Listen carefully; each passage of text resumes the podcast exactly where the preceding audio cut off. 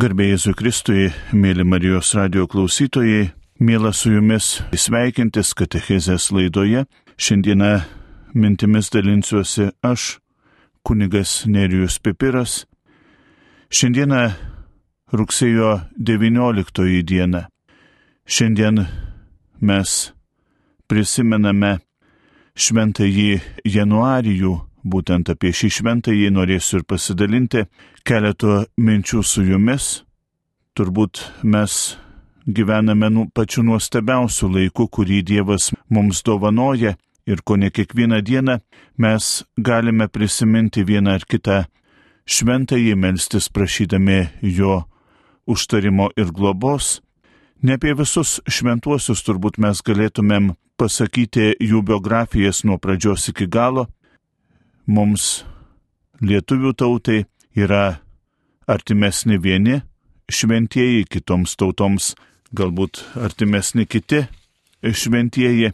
Mes turime kanonizuotą šventąjį Kazimierą, turime ne vieną šventąjį, kuris susijęs su mūsų šalimi, su mūsų sostinė, turime ir ne vieną kandidatą į šventuosius, ne vieną palaimintą, tik mes galime džiaugtis ir jų užtarimu.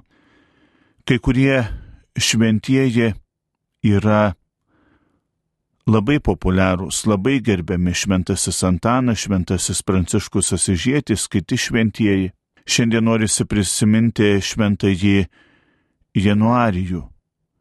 Galbūt ne visi mes jį žinome, tačiau jis yra ypatingai populiarus Neapolio krašte, iki mūsų dienų atėjęs Šventojo Januarijos kraujo stebuklas, kuris ir šiais laikais vyksta. Taigi keletų minčių noriu pasidalinti apie šį šventąjį. Pirmiausia, galbūt reikėtų pasidalinti keletų minčių apie tai, ką reiškia kraujas Biblijoje, kadangi šventasis Januarijus yra susijęs su kraujo stebuklu.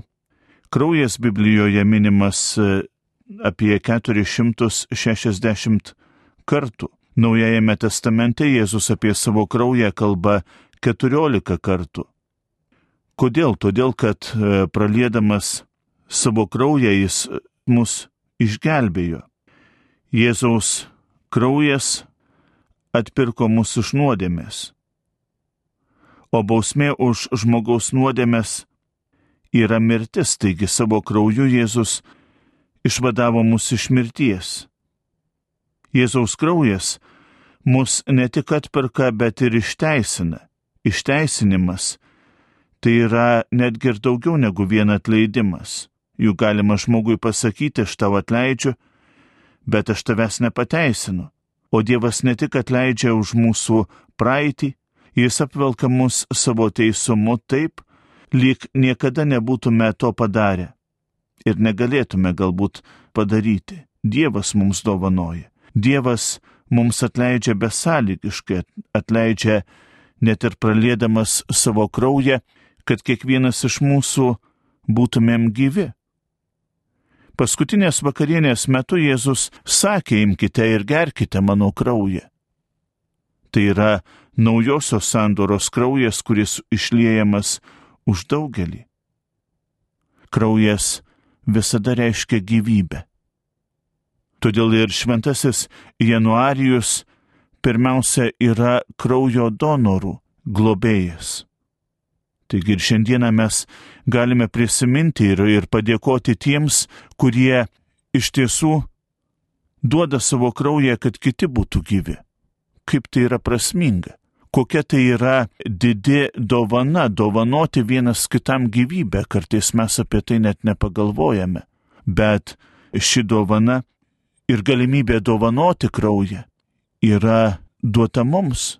Mes kiekvienas galime kažką išgelbėti kraujo lašeliu. Kraujo lašeliu atiduotu tam, kad kitas būtų gyvas. Kiek mūsų laikais įvyksta kokiu nors nelaimiu, įvyksta avarijų, vyksta operacijos, gydomos įvairios lygos ir kad žmogus būtų sveikas, kad po žmogaus organizmą pulsuotų deguonis reikalingas kraujas, kuris išnešiotų tas gerasias savybės, išnešiotų gyvybę po visą organizmą. Jėzus yra kiekvieno iš mūsų kraujas. Taigi, kai mastome apie kraują, mes turėtume mąstyti ir apie Jėzų, tą, kuris atidavė savo gyvybę, kad mes būtumėm gyvi. Ta, kuris, kaip minėjau, paskutinės vakarienės metu sakė, imkite ir gerkite, tai yra kraujas išliejamas už daugelį. Taigi ir šventasis Januarijus neatsiejamas nuo kraujo stebuklo, kuris kartą ar keletą kartų per metus vyksta ir mūsų laikais. Kasgi buvo tas šventasis Januarijus? Sakoma, kad jis miręs apie 305 metus, tai buvo Benevento vyskupas, kilęs iš Neapolio ar Benevento, tuo metu, kai kilo Deukleciano persekiojimai, jis buvo Benevento vyskupu. Truputėlį keletą minčių norėtųsi pasidalinti ir apie imperatorių Deuklecianą. Deuklecianas turėjo ir keletą kitų vardų, tai yra Gajus Aurelijus Valerijus Dioklecianas Augustas, gimęs 244 metais ir miręs 311 metais, paskutinis Romos imperatorius, kuris e, Romos imperiją valdė nuo 284 metų iki 305 metų. Jis gimė vargingoje Ilyrų šeimoje, Dalmatijoje ir per karinius rangus iškilo iki kavalerijos vado, vėliau buvo paskelbtas imperatoriumi, tuo metu į titulą pretendavo ir kitas žmogus, tai yra Karinas, bet Dioklecianas jį nugalėjo Margo mūšyje.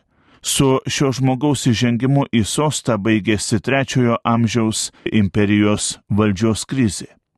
Jis paskyrė savo kolegą karininką Maksimijaną Herkulijų vyresniuoju imperatoriumi arba kitaip vadinamu Augustu, o Konstancijus I Chloras ir Galerijus 293 metais kovo pirmą dieną tapo jaunesniaisiais imperatoriais arba kitaip vadinamais Cezariais. Tetrarchijoje kiekvienas iš kelių imperatorių valdė po ketvirtį imperijos. Deuklecianas saugojo imperijos sienas ir įtvirtino savo valdžią, tiesiog išnaikindamas įvairias grėsmes. Nugalėjo sarmatus ir karpius, alemanus. Galerijus padedamas Diokleciano sėkmingai kovojo su Persija, nusiaubė persų sostinę Klesifoną. Dioklecianas vadovavo dėryboms ir pasiekė ilgalaikę ir palankę taikos sutartį. Išplėtė ir atskyrė imperijos karinius ir civilinius aparatus, reorganizavo imperijos provincijas, įkūrė didžiausią ir labiausiai biurokratinį valdymo aparatą imperijos istorijoje, įkūrė administracinius centrus arčiau fronto linijos, nei tradiciškai toli esanti Roma. Dėl valdymo aparato plėtros, karo žygių ir statybų, šiam imperatoriui reikėjo atlikti ir visapusę mokesčių reformą. Nuo 297 metų imperijos mokesčių sistema buvo standartizuota, nešališkesnė. Ne visi Diokleciano planai buvo sėkmingi ir naudingi. Štai pavyzdžiui, nepavykusių galima vadinti bandymą sutramdyti infliaciją per kainų kontrolę. Atrodytų gera intencija, tačiau ji davė priešingą rezultatą ir greitai buvo ignoruota. Deuklecianas pasižymėjo ir paskutiniaisiais, tačiau didžiausiais ir krūviniausiais krikščionybės persekiojimais. Nepaisant to, krikščionių sunaikinti nepavyko.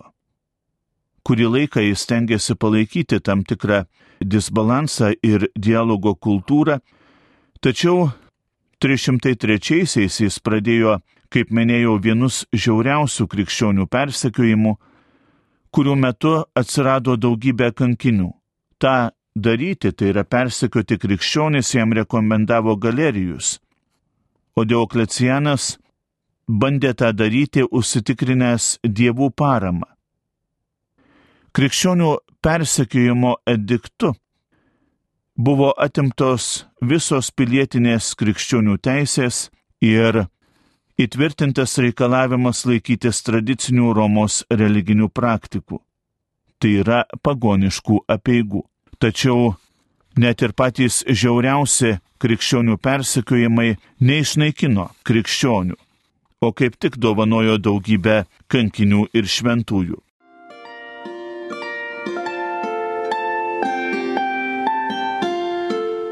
Jūs girdite Marijos radiją.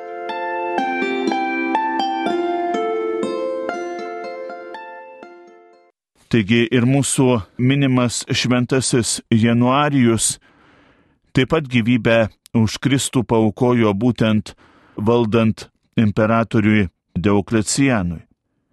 305 metais išgirdęs, kad jo draugas Misenos diakonas Zosijus yra suimtas ir įmestas į kalėjimą, draugė su kitu diakonu Prokulu ir dar dviem pasauliečiais, jis, kaip Benevento vyskupas, aplankė juos kalėjime. Tačiau būtent atlikdamas šią atrodytų visiems krikščionims būtiną misiją, būtent kalėjime jis ir suimamas. Kartu su juo areštuojamas ir jo diakonas ir dar vienas pamokslininkas Desiderijus. Visa ši grupė buvo įmesta paslaukinių žvėris, o vėliau šventasis Januarijus ir kiti kankiniai nukirstinti Pozuolė vietovėje Italijoje. Januarijaus vardas siejamas su kraujo stebuklu, kaip minėjau, kuris įvairiomis aplinkybėmis pasikartoja kiekvienais metais. Januarijaus kraujas saugomas Neapolio katedroje dviejose nevienodo dydžio hermetiškuose stikliniuose induose. Stebuklo esmė ta, kad sudžiūvęs kraujas staiga atgyja tampa skystas, dažnai netgi kunkuliuoja ir verda, o jo kiekis induose padidėja. Tai vyksta esant skirtingai aplinkos temperatūrai ir per skirtingą laiką. Paprastai šis stebuklas vyksta rugsėjo 19 dieną, kada bažnyčia minė šventąjį januarijų. Taip pat kraujo stebuklas yra vykęs ir gruodžio 16 dieną ir šeštadienį prieš gegužės mėnesio pirmąjį sekmadienį tai yra Januarijaus kūno perkelimo į katakombas metinės. Įdomu tai, kad indai ir sudžiūvęs kraujas paprastai sveria nedaugiau kilogramo, truputėlį mažiau negu kilogramas, o kraujui atgyjus peržengia kilogramo ribą, sveria 1 kg ir 15 gramų. Spektroskopiniai bandymai parodė, kad tai tikrai yra žmogaus kraujas. Jokių kitų paaiškinimų šiandienis mokslas, tirdamas Šventojo Januarijos kraujo stebuklą, iki šioliai neranda. Legendos apie šį stebuklą siekia IX amžių, kada Januarijos relikvijos iš kankinystės vietos buvo perkeliamos į Neapolio katakombas. Kai iškilminga procesija ėjo Vyje Antinijaną keliu, Kažkokia moteris vardu Eusebija įteikė vyskupui du indėlius su krauju, kuri pati buvo surinkusi Januarijaus nukankinimo vietoje. Neapolio gyventojai Januarijaus užtarimo ir stebuklo šaukėsi didžių negandų metu. Yra tikima, kad e, šventasis Januarijus gelbsti Neapolio miestą nuo Vezuvijaus ugnikalnio įsiveržimo ir kitų nelaimių. Labai iškalbingas faktas yra tas, kad Šventojo Januarijaus kraujo stebuklas neįvyko 1939 metais. Kiekvienas iš mūsų, iš istorijos, o galbūt ir iš netolimos istorijos, kurią dar galime prisiminti, žinome, kad 1939 metais prasidėjo antrasis pasaulinis karas. Taigi, šventasis Januarijus tam tikrą prasme įspėja apie vieną ar kitą negandą, apie vieną ar kitą sunkumą, kuris ištinka žmoniją. Taigi, brangus broliai ir seserys, Mėly Marijos radio klausytojai, visuomet dėkojime viešpačiui už šventumo dovaną. Visuomet dėkojime viešpačiui, kad paties viešpaties kraujas yra išlietas už kiekvieno iš mūsų. Ir kai nepulsuoja žmonijoje kraujas, tuomet tikrai žmonija neturi savyje gyvybės. Galime kalbėti ir apie dvasinę gyvybę, kada žmonija neįstengia pasipriešinti įvairioms blogybėms. Klauskime šiandien patys savęs, kiek mumise yra pulsuojančio Kristaus kraujo, nešančio taip reikalingą dvasinį deguonį mūsų gyvenimui, mūsų kasdienybei. Ir kai jausime, kad Kristaus kraujas pasiekia kiekvieną mūsų kūno lastelę, iš tiesų mes būsime apsaugoti nuo įvairiausių blogybių ir negandų. Šventojo Januarijos kraujo stebuklas mums tą primena. Melskime šiandieną tiek Šventojo Januarijos, tiek ir kitų šventųjų užtarimo ir globos mūsų reikaluose. Nereikia pamiršti, kad ir šiandien žmonija išgyvena didžių išbandymų metą. Ir kuo daugiau bus mūsų lastelėse Kristaus kraujo nešamo deguonės, tuo lengviau mes pakelsime įvairius sunkumus ir negandas. Ir visada reikia atkreipti dėmesį, kad šventojo Januarijos kraujo stebuklas neįvyksta, tai yra kraujas netampa skysto prieš kokią nors negandą. Ir tai kiekvienam iš mūsų tarsi simbolinis ženklas, kad Kristaus kraujas neturi mumise sukėtėti.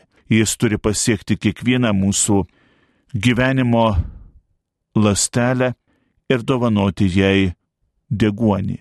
Tik tai, ką mums dovanojo su mumis pasilikdamas viešpats, kviesdamas imti ir gerti naujosios sandoros taurę. Taurę, kurioje yra viešpaties kraujas už daugelį išliejamas. Taigi, mėly Marijos radio klausytojai, jeigu kada nors pavyktų nuvykti į Neapolio kraštą, visuomet aplankykite Neapolio katedrą ir pagerbkite šventąjį Januarijų, pagerbkite šio šventojo kraują, kuris ir šiandien yra saugoma šioje katedroje dviejose induose ir kurio kraujo stebuklas tęsiasi iki mūsų dienų. Taigi šventasis Januarijų melskė ir užtarki kiekvieną iš mūsų ne tik Neapolio kraštą, bet ir mūsų kraštą, mūsų Lietuvą, visus žmonės, visus tikinčiuosius, kurie šiandien išgyvena netokius ir lengvus laikus. Mintimis apie šiandien minimą šventąjį Januarijų dalyjausi aš, kunigas Nerijus Pipiras. Spalvingo rudens, gražios, nuostabios maldos ir pasitikėjimo viešpačiu, kuris dėl mūsų išliejo savo kraują. Garbė Jėzui Kristui.